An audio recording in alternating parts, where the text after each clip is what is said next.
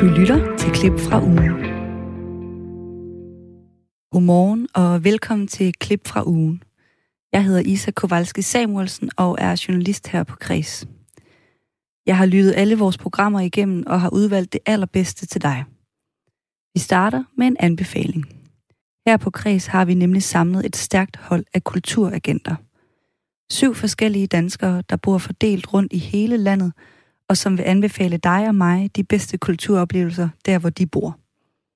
Og i dag skal du møde Andreas Matthews fra Nordjylland. Velkommen til Kreds, Andreas. Tak for det. Andreas Matthew, du er 45 år, altså bosat i Jørgen med din kone og tre børn. Og øh, dine børn, de har jo faktisk været med ude for at anmelde kultur for os her på Kreds. Hvad er det for noget, du skal fortælle os og øh, lytterne om i dag? Jamen lige præcis. Jamen, jeg skal fortælle om den her lille midte eventyrlige ø, der hedder Eholm, der ligger ude i Limfjorden, hvor vi har været ude som familie og øh, været faktisk på trollejagt. På trollejagt simpelthen, og du nævner det jo selv, det er den her lille ø, som ligger ud for Aalborg i Limfjorden, og man kan så komme der til øh, med færge fra Aalborg Færgehavn. Lad, mig, altså start, lad os starte her. Kan du ikke fortælle lidt om den her trollejagt, og øh, hvordan, hvis I gjorde, I fandt trolden? Jamen, det gjorde vi. Altså, man kan sige, for det første, så er det jo lidt fantastisk, altså unikt, at man inde i Aalborg by kan tage en lille bitte færge ud til en lille bitte ø. Øh, bare det i sig selv var vildt begejstret for mine børn. De synes, det var det sjoveste, at vi kunne køre ind med bilen, og der var kun plads til to biler på den her lille bitte færge. Og så sejlede vi så ud på Eholm. Og så Eholm i sig selv, det er jo en enorm smuk øh, ø øh, med fantastisk natur. Og øh, alt afhængig selvfølgelig af vejr, så kan man jo så gå hele vejen rundt. Det er jo cirka 6 kvadratmeter, øh, det hele øen er. Men øh, inde midt i byen, der er der så den her fantastiske, øh, magiske skov faktisk. Og det er ikke sådan for at overdrive, men øh, skoven i sig selv er en meget, meget smuk oplevelse, når man går der igennem med nogle fantastiske øh, træer og ting, der snørkler sig, og meget, meget eventyrligt. Og inde der midt i, der fandt vi så den her fantastiske, hyggelige lille trold, der sad der ved bålpladsen. Den er jo ikke lille, den er jo flere meter høj, men altså, det var øh, meget, meget flot øh, sat op i en skov. Og nu skal jeg bare lige høre, du nævnte før 6 kvadratmeter. Du mener 6 kvadratkilometer, ikke? Lige præcis. Godt, okay. Jeg skulle bare lige jeg så var det meget nemt at finde trolden. okay. Yes, det er godt. Jamen, I fandt jo så trolden her, men øh, vil du ikke beskrive, hvordan den ser ud? Og den har jo navnet Pil 1000 tunge. Er der noget særligt, man skal lægge mærke til ved, ved trolden her, eller ved, ved omgivelserne omkring den? Jamen, for det første, så øh, er den placeret ved en øh, bålplads, hvor det ligesom er en del af det her med, hvor der så er et bænke rundt om det her med at invitere folk til dialog og til samtale. Og så sidder den jo og holder på sådan en øh, stor træstube, som er blevet lavet til en skål, hvor folk så har lagt alle mulige små hilsner ind, som i sig selv er ret fascinerende. Så hvis man har en tus med, så kan man skrive på nogle små sten, og så lægge dem derved, hvor man kan ønske nogle gode ting for nogen. Og så, så sidder den jo ned, den her store trold, men man kan sagtens klatre op på den og tage nogle billeder. Men den indbyder til fællesskab, og den indbyder til dialog, når man sidder der i skoven. Så vi sætter os også med vores børn og så og snakkede sammen. Og selvfølgelig havde man taget brænde og sådan med, det vidste ikke, man kunne, men så kunne man jo tænde op og gjort det sådan en aften endnu hyggeligere, kan man sige, på den måde. Men trollet sidder der, og så øh, er den jo socialt enormt stemningsfuldt, og øh, det, at man kan blive så fascineret, at den er lavet genbrugsmaterialer og sidder der i i skoven, den passer perfekt ind i sætningen. Og den ligger sådan godt skjult. Øh, vi kiggede et stykke før børnene sådan lidt opdagede, at den lå derinde. Så på den måde var den, øh, ja, det var bare en rigtig hyggelig oplevelse. Og øh, vi har set nogle af de her kæmpe giganter også i København af kæmperne derovre, så hvor børnene var bare endnu mere begejstrede for at få lov at se den næste trold. Ja, nu nævner du dine børn her, børn her fordi at, øh, jeg kunne godt tænke mig sådan, øh, at høre om din oplevelse versus børnenes oplevelse. Var det det samme, I var begejstrede for? Altså, hvad var det, de lagde mærke til i forhold til de ting, du har beskrevet her? Jamen, jeg tror, det var en kombination af det. Altså, for det første er jeg jo sådan meget fascineret. Jeg synes jo, Thomas Dambo, som er kunstneren øh, bag det, er genial på den måde, han tænker på. For det første får noget kunst, som man som voksen bliver tilsat af, at det her det genbrug, og det er godt tænkt, og det er enormt godt lavet. Og så samtidig kan jeg jo mærke, at mine børn de bliver også fascineret af den her livagtighed, som trollene har, og hvor flot det er lavet, detaljerne. Øhm, også det her med, at det er noget, en form for kunst, der lægger op til både leg og involvering, og tage billeder og løbe rundt om og lave en masse sjove ting. Så jeg synes jo, at det, det fede var, den var, at det var noget for os alle sammen. Og nu nævner du her, at den ligger op til leg. Altså, kan du uddybe det lidt mere? Hvad er det for en slags leg, som, øh, som trolden ligger op til? Jamen, det er jo både øh, gemmeleg og at klatre rundt på den her trold her, og blive lidt bange for den, og øh, jamen, også at skrive på de her sten her, at man faktisk sådan sender nogle budskaber videre til de andre, som er der. Ja, jamen, altså det vi så gjorde bagefter, vi så havde været ved trolden, det var, at vi så fortsat i den her magiske skov, og så havde vi så taget øh, madpakker med, og så endte vi så ud på en eller anden fin mark, der lå derude og hyggede os. Øh. Så det var sådan en god kombination af det hele, både natur og trold, og det her at være sammen lidt ude i naturen. Og altså, hvor lang tid vil du vurdere, at sådan en tur her faktisk kan tage? For det lyder jo nærmest som sådan en heldagstur, hvor der var madpakke med, og der var sådan forskellige faser af dagen. Ja, altså nu har vi lavet luksusudgaven, hvor vi så har bil med over, hvor vi så kørte faktisk ind på midten af øen. Men ja, vi kunne se, at der var rigtig mange, der var gående øh, derhen. Og selvfølgelig skal man gå, så skal man jo regne med, at man bruger cirka en halv time til 40 minutter, eller afhængig hvor store ben ens øh, børn har, eller hvor lange ben de har. Men man kan hurtigt bruge en to-tre timer der. Selvom vi har bil med, så brugte vi små tre timer. Og øh, du nævner jo, at kunstneren bag her, øh, Kæmpe Trold, han hedder Thomas Dambo, og han laver altså de her store trolde af genbrugstræ, som står i både Danmark og også andre lande i, øh, i hele verden. Og de ja. her mange trolde, de kan faktisk, finde, faktisk findes på hjemmesiden trollmap.com, øh, ja. og den er god nok. Der, jeg troller ikke nogen. øhm, men Andreas, hvem tænker du så? Fordi du beskriver jo, at det faktisk var en god dag, både for dig, men også for dine børn, og det er jo noget af et bredt aldersspænd. Hvem tænker du vil synes, at netop den her oplevelse er spændende, også måske ud over bare det at være ung eller gammel? Jamen, jeg, jeg tænker, det er jo sådan noget, man tager på familietur sammen og oplever. For det første, så får man bare den her gode oplevelse sammen ude i naturen, og så får man koblingen af kunst og leg og stedværelse. Så jeg, så jeg mener, det er, sådan, øh, det er jo en god ting for familier at gøre. Og der hvor kan man både have de gamle med, og man kan have de helt unge med, og du kan have bedsteforældre med. Så jeg synes jo, det er sådan, den er oplagt til en øh, hyggelig lille familietur. Og jeg vil også gerne se bedsteforældrene kravle rundt på den, tænker jeg. Altså, det er også... det er leg i alle aldre. jo, øh. altså, og man kunne selvfølgelig også tage på en kærestetur, hvor man så havde brændet med at lave bål om aftenen og sad der. Det ligger det selvfølgelig også op til. Men jeg mener, der var noget for alle, så man kan sagtens lave en, en større ting ud af det. Okay, så det er faktisk til, til alle, der har lyst til at komme ud i naturen, og så også få en kulturel oplevelse med oven i købet. Men her til ja. sidst, Andreas, så er det jo sådan, at vi øh, udgiver øh, karakter på en skala fra 1 til 6, øh, når vores kulturagenter de anmelder noget. Og vi gør det jo sådan, hvad kan man sige, forskelligt fra gang til gang, alt efter hvad det er, de har anmeldt. Og nu hedder den jo trolden her Pil 1000 tunge, så jeg tænker, at du skal give tunger til den. Så hvor mange vil du give den fra 1 til 6? Jamen, jeg vil faktisk give den 6. Ja, hvorfor? Jamen, det er fordi, jeg synes, det, det var... Altså, for det første kan man sige, at vi, det eneste, man betaler for, at det er, at man betaler for den her lille bitte færge ud, øh, som man koster de her 90 kroner og sådan noget. Så mener jeg, for 90 kroner får så meget værdi, og så mange timer sammen med sine børn, og den her oplevelse derude, både for kunsten og for naturen og det med, øh, altså rammer den. Altså, jeg synes, øh, ja, der synes jeg, det er det hele værd. Og sådan blev det altså til 6 ud af 6 tunger til trolden Pil 1000 tunge, som du kan opleve på Eholm, den lille ø i Limfjorden. Vil du høre mere til vores kulturagenter og deres anmeldelser, kan du møde dem hver tirsdag i Kreds her på Radio 4. Og nu skal vi smut ind i dyrenes verden. For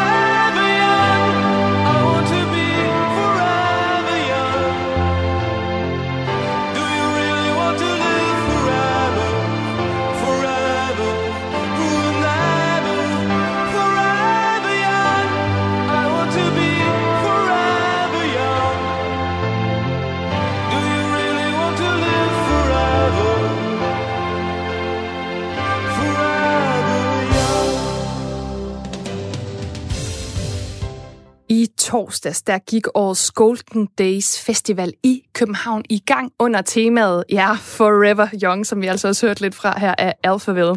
Og det er ungdommen som fænomen, som fejres og undersøges gennem mere end 180 arrangementer helt frem til den 20. september. Og der er masser af events på programmet, som du kan finde på goldendays.dk, og det er alt lige fra romankoncerter til udendørs by byvandringer til foredrag. Men et af de arrangementer, der foregår under Golden Days, det sprang altså lidt i øjnene på mig, nemlig rundvisningen Ungdom og evigt liv i dyrenes verden på Zoologisk Museum.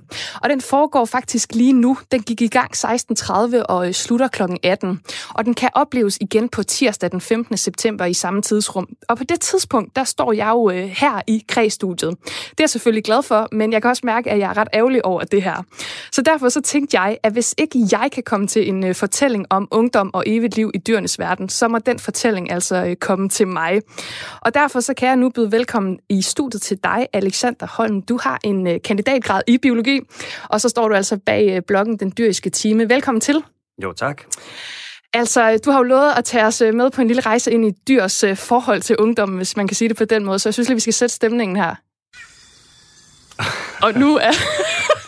nu står vi ude i junglen. Det er genialt. Fedt.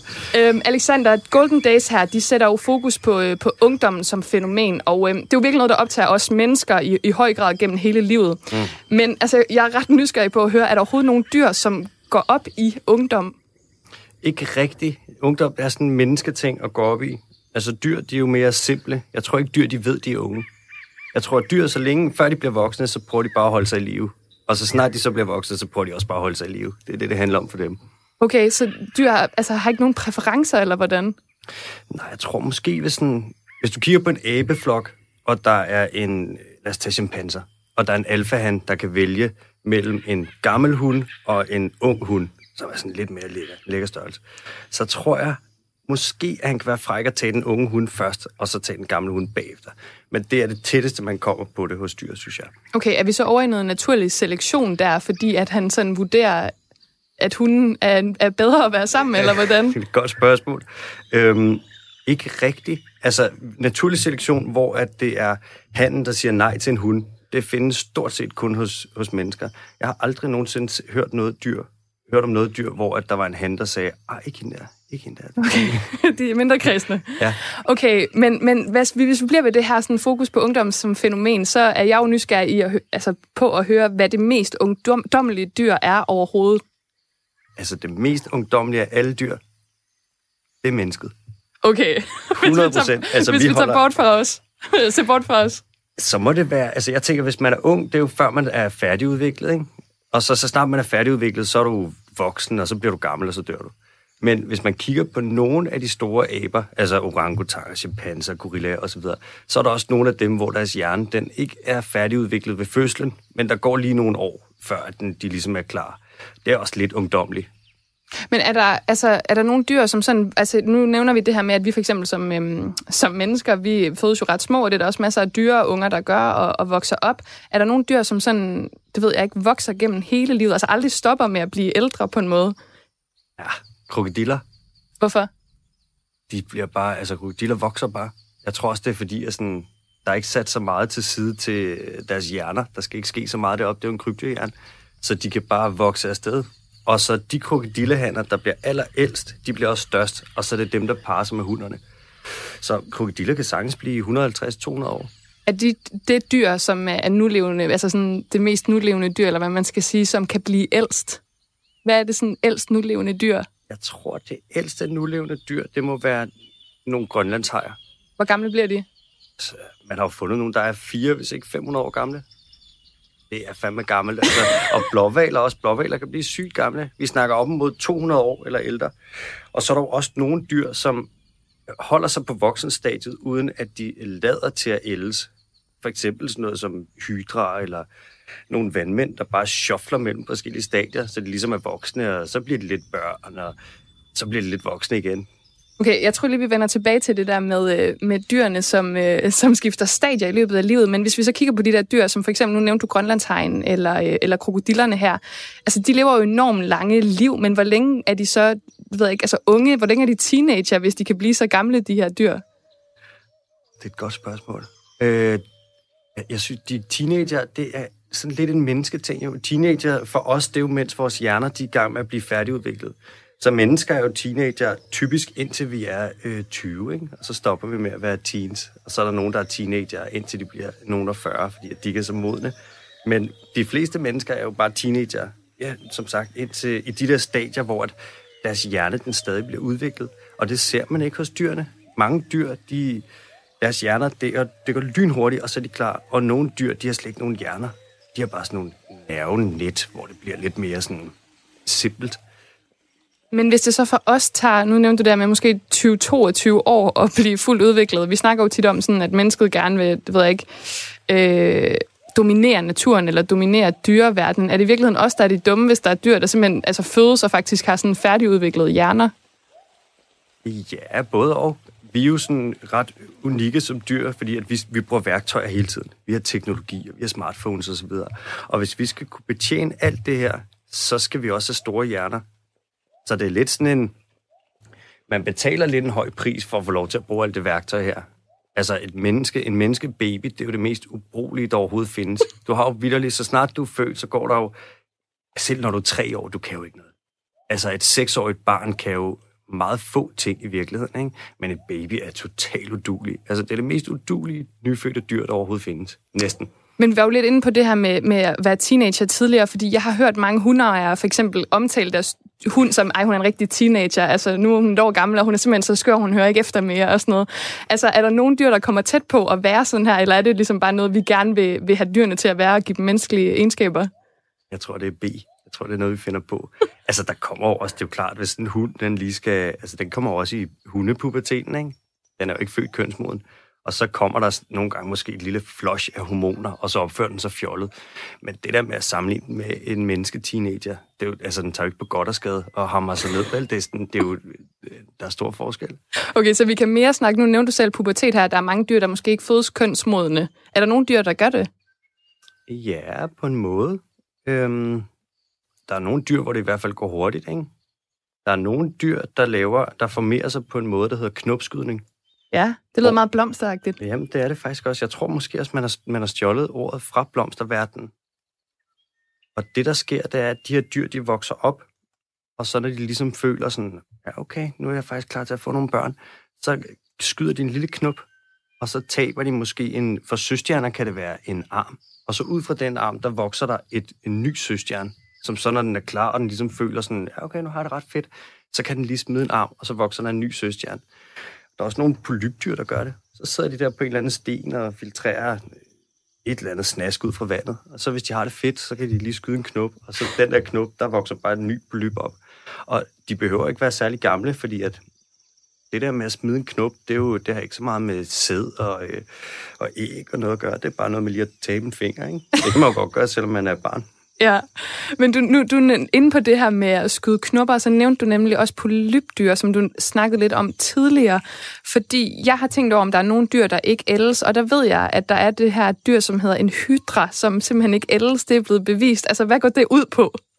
Altså, for det første, det der navn hydraen, det er det mest overdramatiske navn, der nogensinde har fattes. Den der slægt af dyr, de der hydra, de er så små.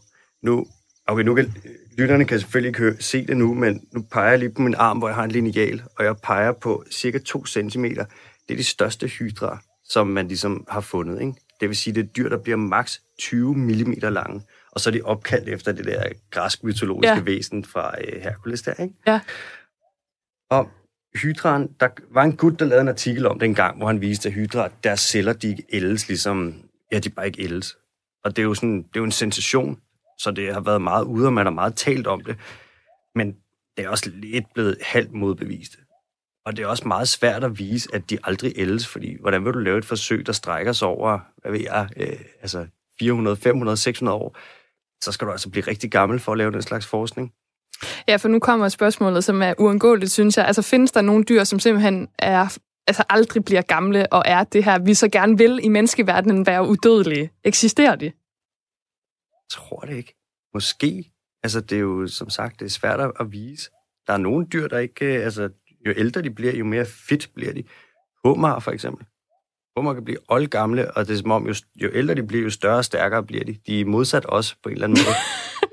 og okay. det samme, som sagt før, sådan noget med altså, krokodiller. De store krokodillehander, det er jo de ultimative alfahander, ikke? Og de bliver bare ældre og ældre, men på et tidspunkt, så altså, de fleste dyr, de dør af et eller andet andet, før de når at blive rigtig gamle. Så bliver de spist, eller så kommer der et øh, meteornedslag, eller et vulkanudbrud, eller de skal nok blive streget på en eller anden måde. Okay, så naturen sætter en stopper for det, der faktisk kunne være et udødeligt væsen. Ja, sådan kan man godt sige. I, i teorien. Sådan kan man godt sige, ja. Okay, så til sidst vil jeg gerne høre, øh, fordi igen, altså, altså jeg er meget fascineret af det her emne, det skal jeg indrømme. Jeg tænker på, måske for det kan være, at du har selv en personlig præference, men hvilket dyr er det, man som menneske vil sige var det mest sådan øhm, efterstræbelsesværdige at, at være som, altså sådan aldringsmæssigt? Er der et dyr, hvor man tænker, det, det er allerede simpelthen perfekt i forhold til, hvordan det burde være at leve? Du tænker sådan den ultimative silver fox? Ja. Jeg tror, hvis man skal, så skal man være et dyr. Man vil gerne være et dyr, der er lidt klogt, og man vil også gerne være et dyr, der har det lidt nemt og fedt. Jeg tænker altså en ravn. Hvorfor, hvorfor en ravn? Hvad kan den? Jamen, den kan snakke, for eksempel. Det er jo meget nice, hvis nu man har lyst til at sige et eller andet. Og så, øhm, den ser da også ret cool ud. Altså, hvis man godt kan lide store sorte fugle, så er den da perfekt, kan man sige. så kan den flyve. Det er jo fedt. Ja. Altså, alle mennesker har på et tidspunkt drømt om at kunne flyve. Det må man sige. Og så spiser den alt. Og hvis man spiser alt, så er du sjældent sulten. Så kan du bare, du kan rode i skraldespanden, du kan fiske, du kan gå i køleskabet, altså du kan bare slå dig løs, ikke? Mm. Så ravnen, og så bliver ravne bare sygt gamle. Ravne kan jo blive over, jeg tror, man har- nogle ravne i fangenskab, der er op mod 70 år. Så altså, Så det er også et rimelig langt liv i forhold til det, vi gerne vil leve som mennesker. ja, det er det. Ej, men prøv at høre, vi kunne snakke om det her hele aften, men øh, jeg skal altså også videre med programmet, så jeg vil sige tak til dig, Alexander Holm, kandidat i biologi og bag den fantastiske blog, der hedder Den Dyriske Time. Tak fordi du var med. Og sådan blev vi, apropos festivalen Golden Days, som du kan opleve i København frem til den 22. september, lidt klogere på ungdomskultur i dyreriget. Til nye lyttere skal jeg fortælle, at du lytter til klip fra ugen fra Kreds. Her samler vi de bedste klip fra denne uges kredsprogrammer til en koncentreret time til dig. I Kreds hylder vi hver onsdag de mest inspirerende mennesker i det danske kulturliv. Dem, der er et forbillede for os andre, som flytter grænser og stiller spørgsmål. De provokerer og går forrest og skaber forståelse. Kort sagt dem, som inspirerer. Her kan du høre Rikke Collin uddele dennes uge stafet til Lise Frederiksen. Hej, Lise, du får først lige sådan en her.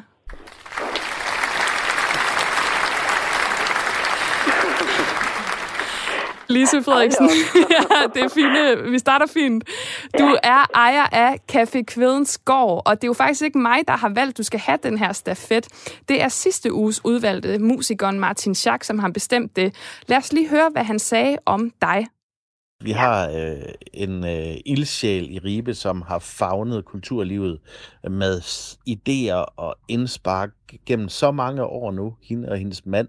Det er, det er Lise Frederiksen, som er indehaver af Café Kvedens i Ribe, som, øh, som øh, i så mange år har lavet kultur og en rigtig fin forening, som som har lavet øh, store arrangementer og mindre arrangementer. De har sågar opkøbt øh, Brorsons Minde, som, er det, kul- som de har lavet til et kulturhus. Det var sådan en øh, lille menighed, der havde det.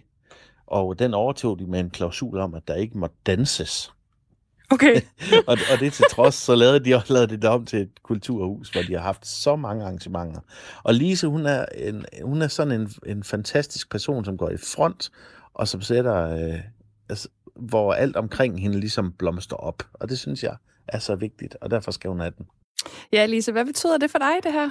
Jamen, puha, hvor er det bare flotte ord. det er da klart, jeg bliver glad og stolt over at blive valgt af Martin, som jeg har så godt samarbejde med her i byen.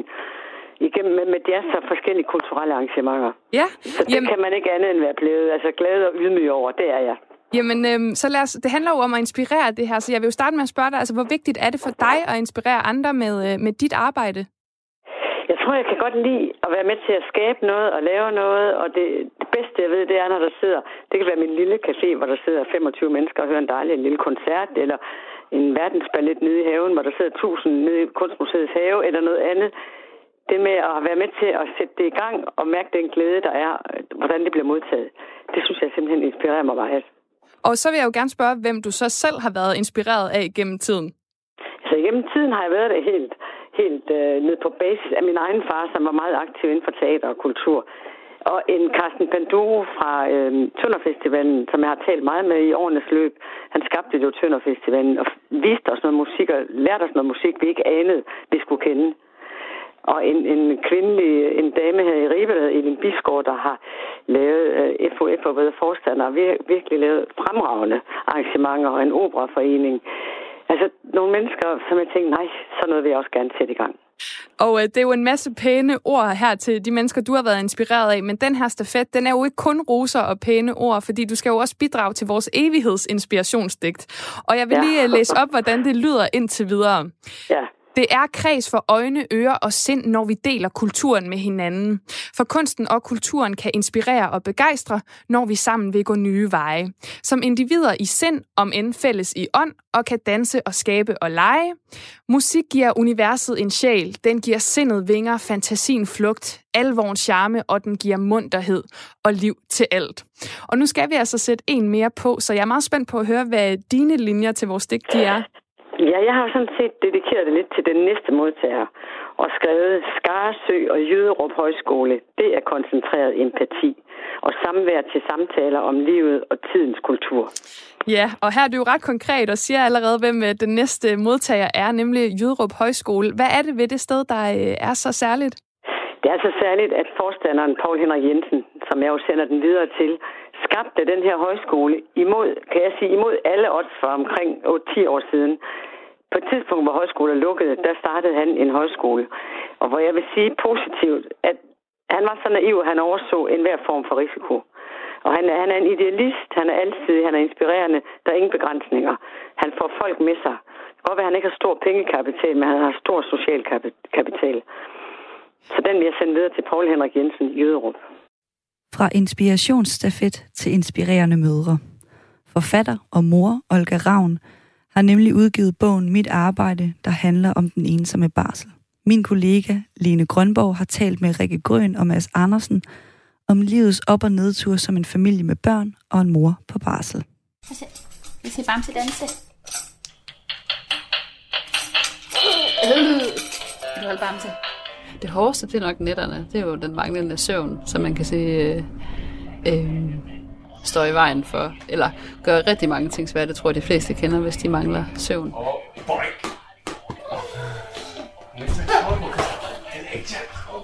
Jeg synes måske ikke nødvendigvis, det er hårdt at blive far. Det er egentlig bare en anden hverdag, du kommer til at have. Øhm, der vil selvfølgelig mindre tid til det, du måske plejede at gøre.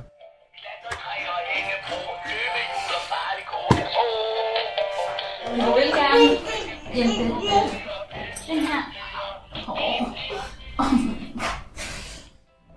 Det allerbedste ved at være mor, det er jo den her øh, fuldstændig ubetingede store kærlighed, man har til sine børn. Og det er jo så overvældende på, på mange måder, og det lærer mig så meget om, hvem jeg selv er. Og det er klart det allerbedste. Ja.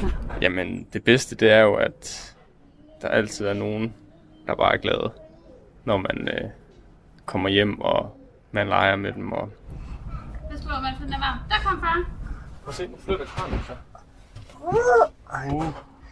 Jeg er selv øh, øh, uddannet psykolog, hvor jeg har haft en masse udviklingspsykologi, og jeg har selv øh, som en del af min forberedelse læst rigtig meget af Daniel Stern, som er en udviklingspsykolog, der har øh, beskrevet moderskabet rigtig meget teoretisk, og hvad der foregår sådan rent psykisk hos kvinder. Øhm, det brugte jeg rigtig meget tid på, og nu har jeg lige en veninde, der for en uge siden ringede til mig og fortalte, at hun var gravid, og hun får kastet den lige i nakken. Og hvad er det for nogle pointer til os, som ikke har læst den? Ja.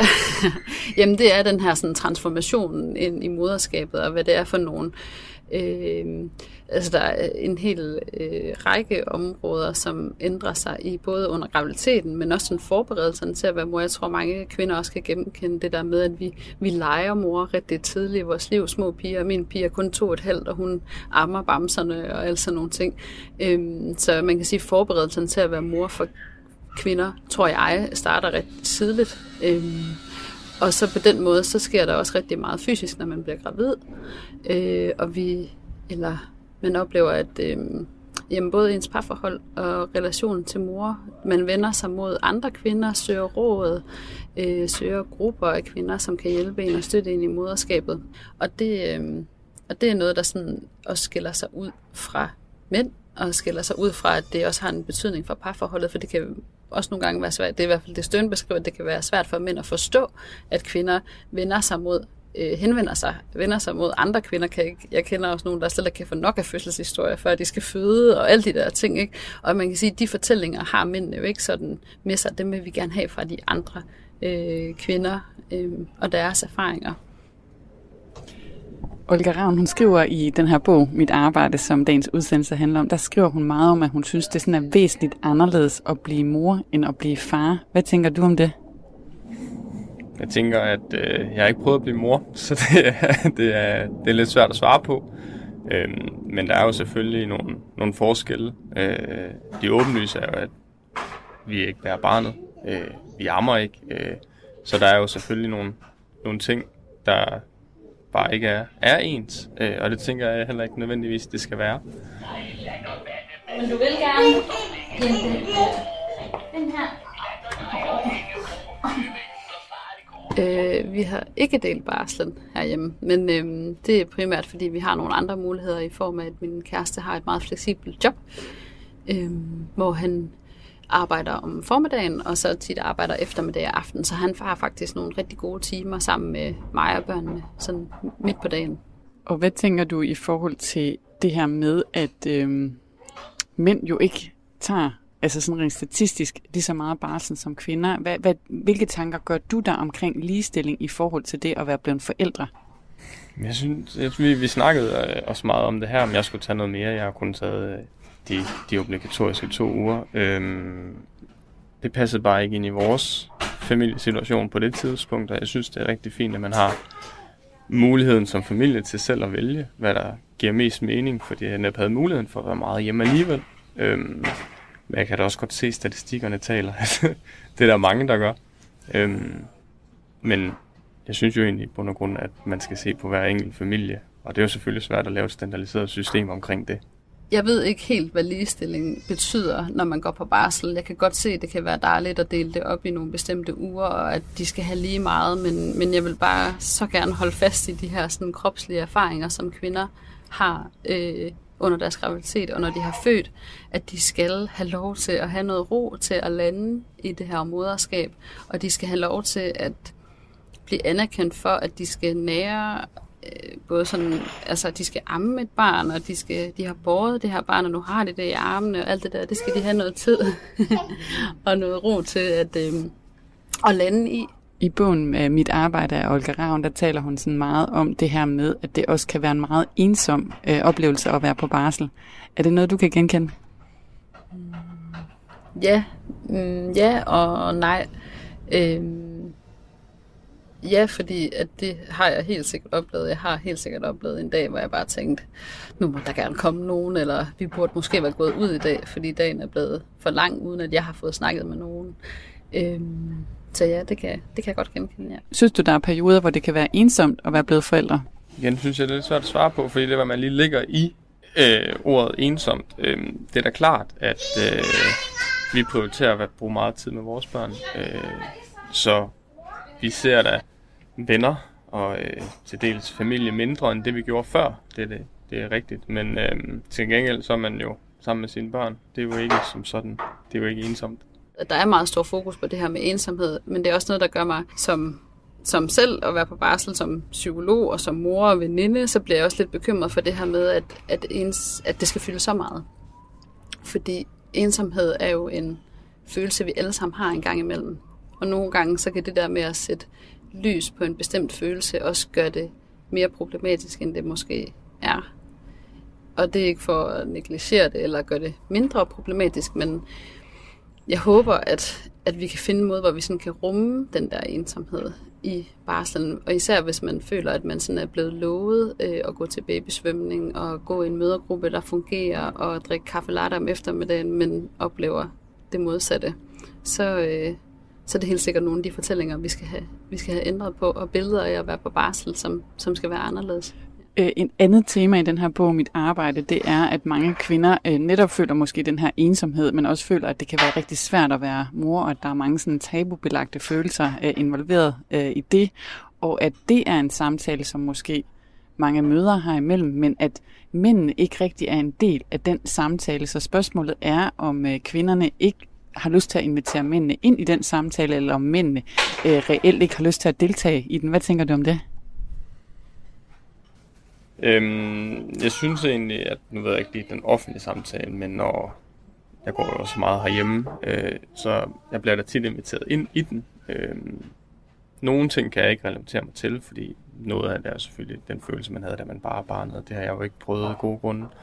Øhm, jeg føler egentlig nok heller ikke, at jeg har et behov for at gå ind i den. Øh, Tror du, du går og tumler med nogle tanker som far, som øh, moren ikke nødvendigvis går og tænker over? Jamen, jeg tror mere, det er på den måde, vi har valgt sådan at bygge vores øh, familie op, at jeg arbejder lige nu, ikke? så jeg går selvfølgelig og tumler med, at der er styr på, på den del, øhm, og det tumler jeg nok ikke så meget med lige nu. Øhm, altså, altså det økonomiske? Ja, ja undskyld. Selvfølgelig det, det økonomiske, men også min arbejdssituation er lidt fleksibel, så det der med at skabe så meget familietid i fleksibiliteten, det går jeg tumler meget med kan man simpelthen komme til at sætte for stort et fokus på, at det kan være svært at være mor, så man glemmer, at det også kan være fedt? Nej, det, det tror jeg ikke. Øhm, så tror jeg, at vi, så tror jeg simpelthen, at vi kommer til at svigte de mødre, som, som, synes, som har det svært, og som også som også sådan en som mig, der også har det en svært i gang imellem. Øh, så jeg tror tværtimod, at det handler om øhm, altså ikke at, ikke at love for meget øh, til den her barselstid. Øhm, øh, ja.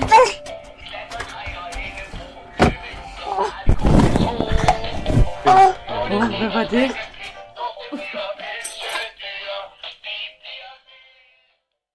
Ja, og sådan var mikrofonen lige ved at blive spist her i øh, slutningen af indslaget. Du kan høre interviewet med Olga Ravn, som er forfatteren bag bogen Mit Arbejde, og altså grunden til, at vi dykker ned i det her emne, i kredsprogrammet fra tirsdag den 8. september. Det kan du finde der, hvor du henter dine podcasts. En anden, der er mor, og som snart skal være det igen, det er tv-verden Sofie Linde. Hun satte fokus på ligeløn mellem mænd og kvinder, da hun som vært på Zulu Comedy Gala i tale satte sine egne oplevelser med lønforhandlinger. Altså, det jeg prøver at, at sige, det er, at vi kan sagtens lege, at der ikke er forskel på mænd og kvinder i Danmark. Den leg kan vi sagtens lege. Det er bare ikke rigtigt. Det er bare ikke rigtigt. Det fik os her på Kreds til at undersøge, hvordan det ser ud med ligeløn på kulturområdet. Her kan du høre Rikke Kolin i torsdagens kreds. Nu kan jeg sige velkommen til dig, Benjamin Bo Rasmussen, skuespiller og formand for Dansk øh, Skuespillerforbund, som organiserer skuespillere, operasanger og andre senere sceneperformere. Velkommen til. tak skal du have. I uh, den seneste lønstatistik fra Dansk uh, Skuespillerforbund, der er der altså et ret uh, markant løngab mellem uh, mænd og kvinder.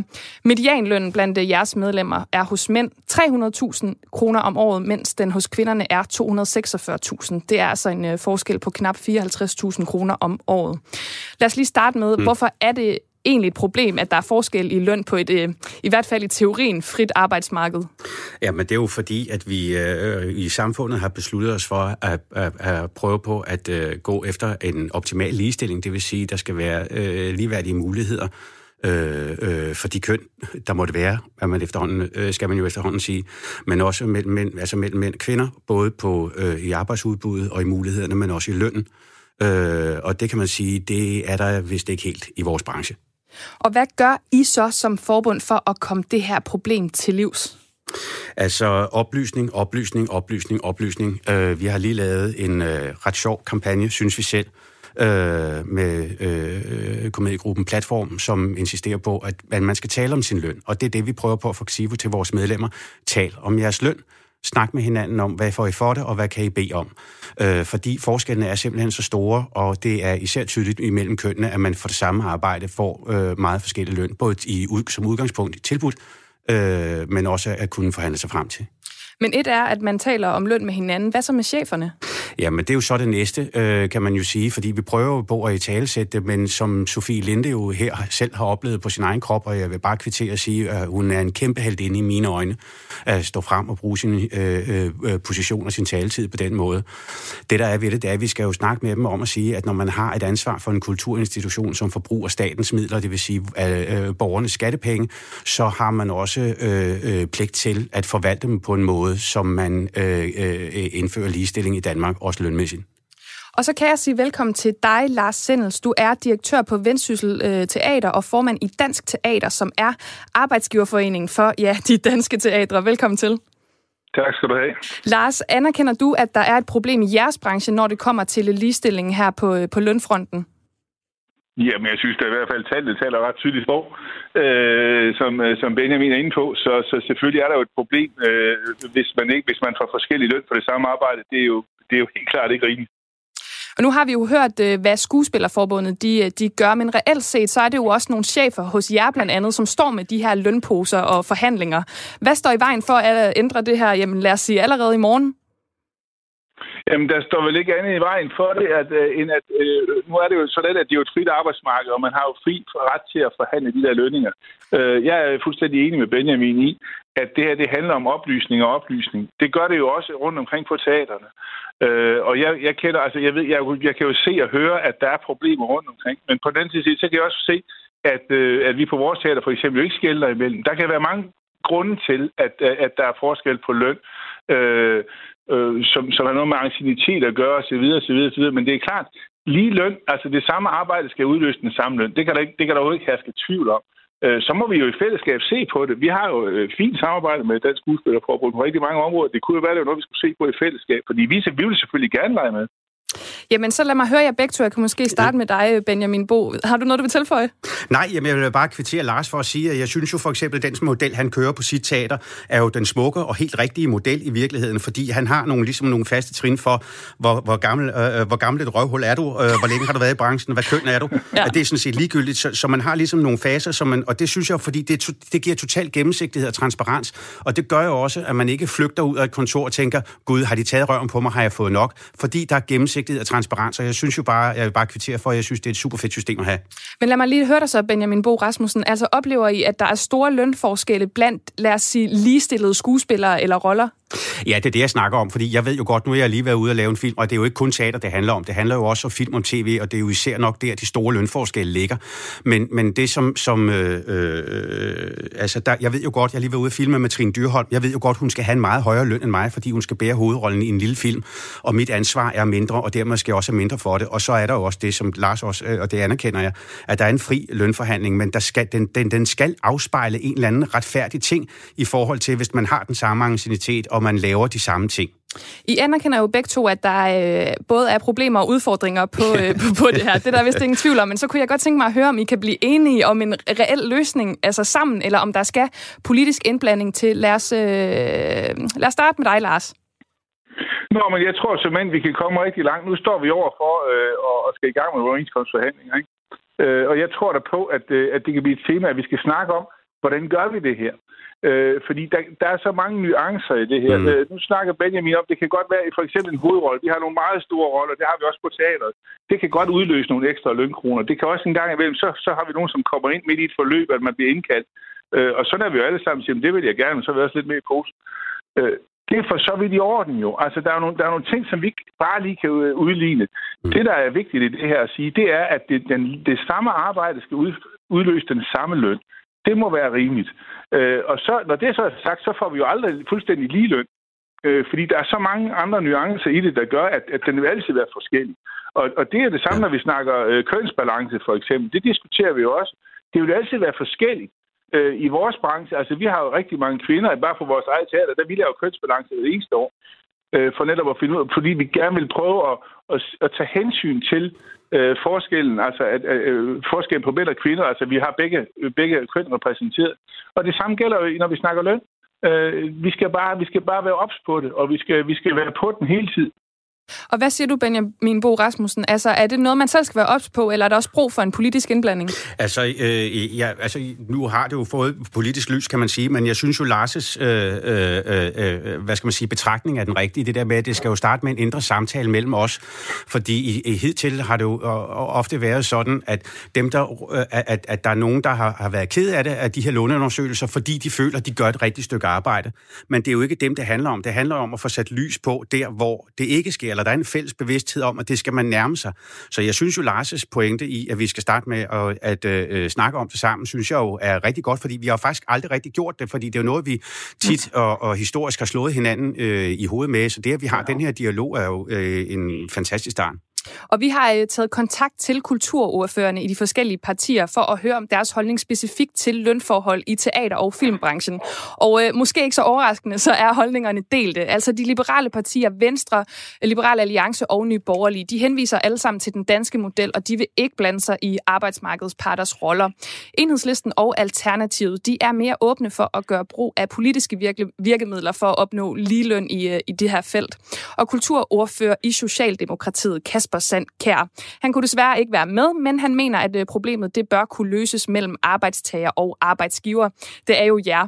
Men han skriver også, og jeg citerer, men det er klart, at hvis det er en situation, der ikke retter sig ind på sigt, så kan det være, at vi fra politisk side skal øh, se på for eksempel incitamentstrukturerne i vores øh, filmstøtte. Hvad tænker I om, om det, han siger her? Er det sådan, det skal foregå? I har jo været lidt inde på det, det her med, at man vil gerne blive ved med at holde den her dialog, men det kan godt være, at der skal lidt ekstra til for at komme helt i mål.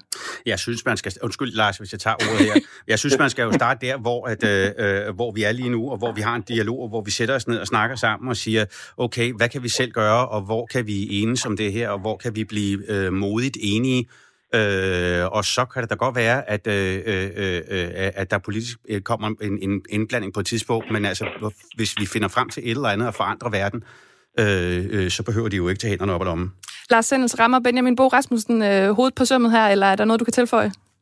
Nej, men det gør han. Altså, det er jo aldrig sjovt at blive dikteret noget, øh, uanset hvor man, hvem man hører til og hvor man hører til. Det sjoveste er jo, at man selv kan lave en aftale. Og, øh, og det, det forsøg skal i hvert fald gøres, det er helt sikkert. Der er ingen grund til, at vi sidder og venter på, at der er nogen, der kommer og dikterer et eller andet for os. Øh, det tænker jeg nok, vi selv kan finde ud af. Det var altså ordene fra Benjamin Bo Rasmussen og Lars Sindels. Tak, fordi I var med begge to her i Kreds. Selv tak. Ja, selv tak. Ja, det er jo spændende at følge med i det her, og øh, apropos ingenting, så øh, synes jeg, at vi skal spille Donna Summers She Works Hard for the Money. Øh, så jeg vidste ikke sagt for meget her. Det er en fremragende sang, og øh, det var altså ordene herfra.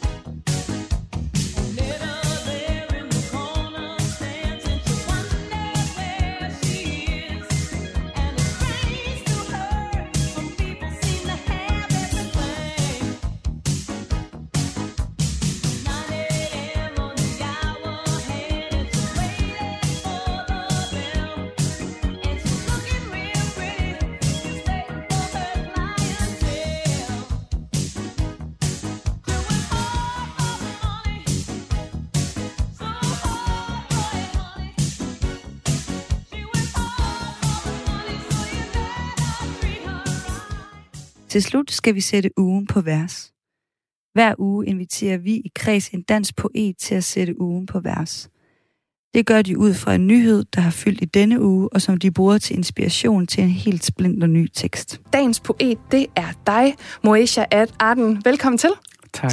Du er performanceartist og øh, har altså øh, skrevet denne uges ugen på vers. Øhm, så jeg vil starte med at spørge, hvilken øh, nyhed du har valgt øh, at fokusere på. Det handler om juridiske kunstskifte til transkønnede børn. Hvordan kan det være? til 6 år. Ja, og øh, vil du ikke fortælle, hvorfor du øh, har valgt det? Øh, jamen, men det har jeg, fordi blandt andet øh, Weekendavisens øh, debatredaktion, eller debatleder har skrevet om det øh, og argumenteret for, hvorfor han synes, at det var en god idé. Øh, og blandt andet på sociale medier hos øh, Henrik Dahl fra Liberale Alliances Facebook-side kørt der et øh, diskussioner. Og det ramte mig somehow, fordi øh, alt det kommentar, jeg læser, der er ikke nogen, der forholder sig til barnets tag. Så det er barnets tag, det her digt, det kommer til at fokusere på? Eller manglende på det samme. eller det modsatte. Bare lige for at få alle med, så er det sådan, at øh, regeringen de fremlagde et juridisk, øh, juridisk kønsskifte til børn, et forslag om det den 21. august, fordi som loven er i dag, så skal man være fyldt 18 for at juridisk at skifte køn. Og det vil sige, at man ændrer sit CPR-nummer den ene eller den anden vej, fordi øh, vi har et binært system, hvor der enten er et mandligt eller et kvindeligt CPR-nummer. Og regeringen de foreslog så en ordning, hvor børn og unge under 18, de har mulighed for at ændre deres juridiske køn efter den her ordning, som folk over 18 også har. Og der er altså ikke nogen nedre øh, aldersgrænse for, hvor gammel man skal være, men er man under 15, så kræver det altså øh, forældrenes samtykke. Og som du siger, Moesha, så har både Søren Villemos og Henrik Dahl og også Bodil Marie Pedersen den her uge skrevet et øh, debatindlæg hos Information. Det gjorde hun i forgårs, hvor hun også satte fokus på det her. Så øh, jeg tænker, vi øh, og jeg vil sige, det er meget vigtigt at sige, at det her det handler om bare kun ændring. Det handler ikke om øh, kunstskifte, det handler ikke om øh, indgreb på børnens øh, krop, det handler om de sidste fire numre. Det handler om de sidste fire numre. Har din tekst en uh, titel? Den hedder Bare ikke transbørn. Bare ikke transbørn. Jamen, jeg synes, vi skal høre teksten, og det er altså Moesha Arden med ugen på vers. Yes, og den lyder sådan der. Barnets tag kommer i faste række transkønnet barnets tag. Barnets mental helbred, barnets trivsel, barnets indlæring, barnets udvikling, bare ikke transkønnede børns. barnets selvbestemmelsesret, barnets identitet, identitetsdannelse, barnets vi og vel, bare ikke transkønnede børnets. Red barnet, bare ikke transkønnede børn, barnets vilkår, bare ikke transkønnede børn. Nyt syn på børn, bare ikke synet på transkønnede. Meningen med børnets leg, læring og hverdag, var ikke transkønnede børnes. Barnets statsminister, var ikke transkønnede barnets statsminister. Deres identitet er andres konflikt, tager vare på transkønnede børn, skønne transkønnede børn, skamme transkønnede børn. Tak. Ja, jeg er ikke helt nok til, at jeg kan skabe et stort bifald, så jeg, jeg snyder lidt her. Det var altså bare ikke øh, transkønnede børn. Altså, det var jo en tekst, hvor du ligesom øh, sætter sådan modsætninger op over for hinanden, og ligesom går ind på de her ting, som, ja, du, som du nævner som i forhold til barnets tag. Altså, jeg, vi, vi, vi kan snakke lidt om indholdet her bagefter, men jeg kunne godt tænke mig at starte med at høre, hvordan det har været for dig at skrive en tekst på den her måde. Er det måden, du arbejder på normalt? Øhm, det er det for det meste, øhm, at jeg tager noget udgangspunkt. Øh, det kan være i min egen hverdag, det kan være situationen, jeg oplever øh, med Rigshospital, med familie, med venner, og så prøve ord eller prøve at sætte ord på det. Og så for eksempel ligesom her, når det handler om juridiske kønsskifte til børn, så synes jeg, når jeg sidder og tænker mig lidt om, øh, over det, så fokuserer folk, på alt muligt andet, end det, der har med børnet at gøre. Øh, og når jeg skrev det, så synes jeg bare, det gav lidt mening. Ja, for du nævner her, altså som jeg forstår det, at det egentlig handler rigtig meget om, hvad voksne synes, men der er ikke rigtig nogen, der fokuserer på børnene. Har du lyst til at sætte sådan flere ord på det? Nå, men jeg synes, det er tit, hvis man øh, bare tænker kort over, de folke, der forholder sig til transkønnede børnets er ret eller vi og vel. Det er ikke nogen folke, der har aktier i det. Det er ikke nogen folke, der selv har børn. Det er ikke nogen, der ved, hvad det vil sige at have, som Søren Vilmod også siger, et børn med hvilken som helst diagnose. Og når det forholder sig til det, så handler det om fra deres politiske ståsted og religiøse ståsted.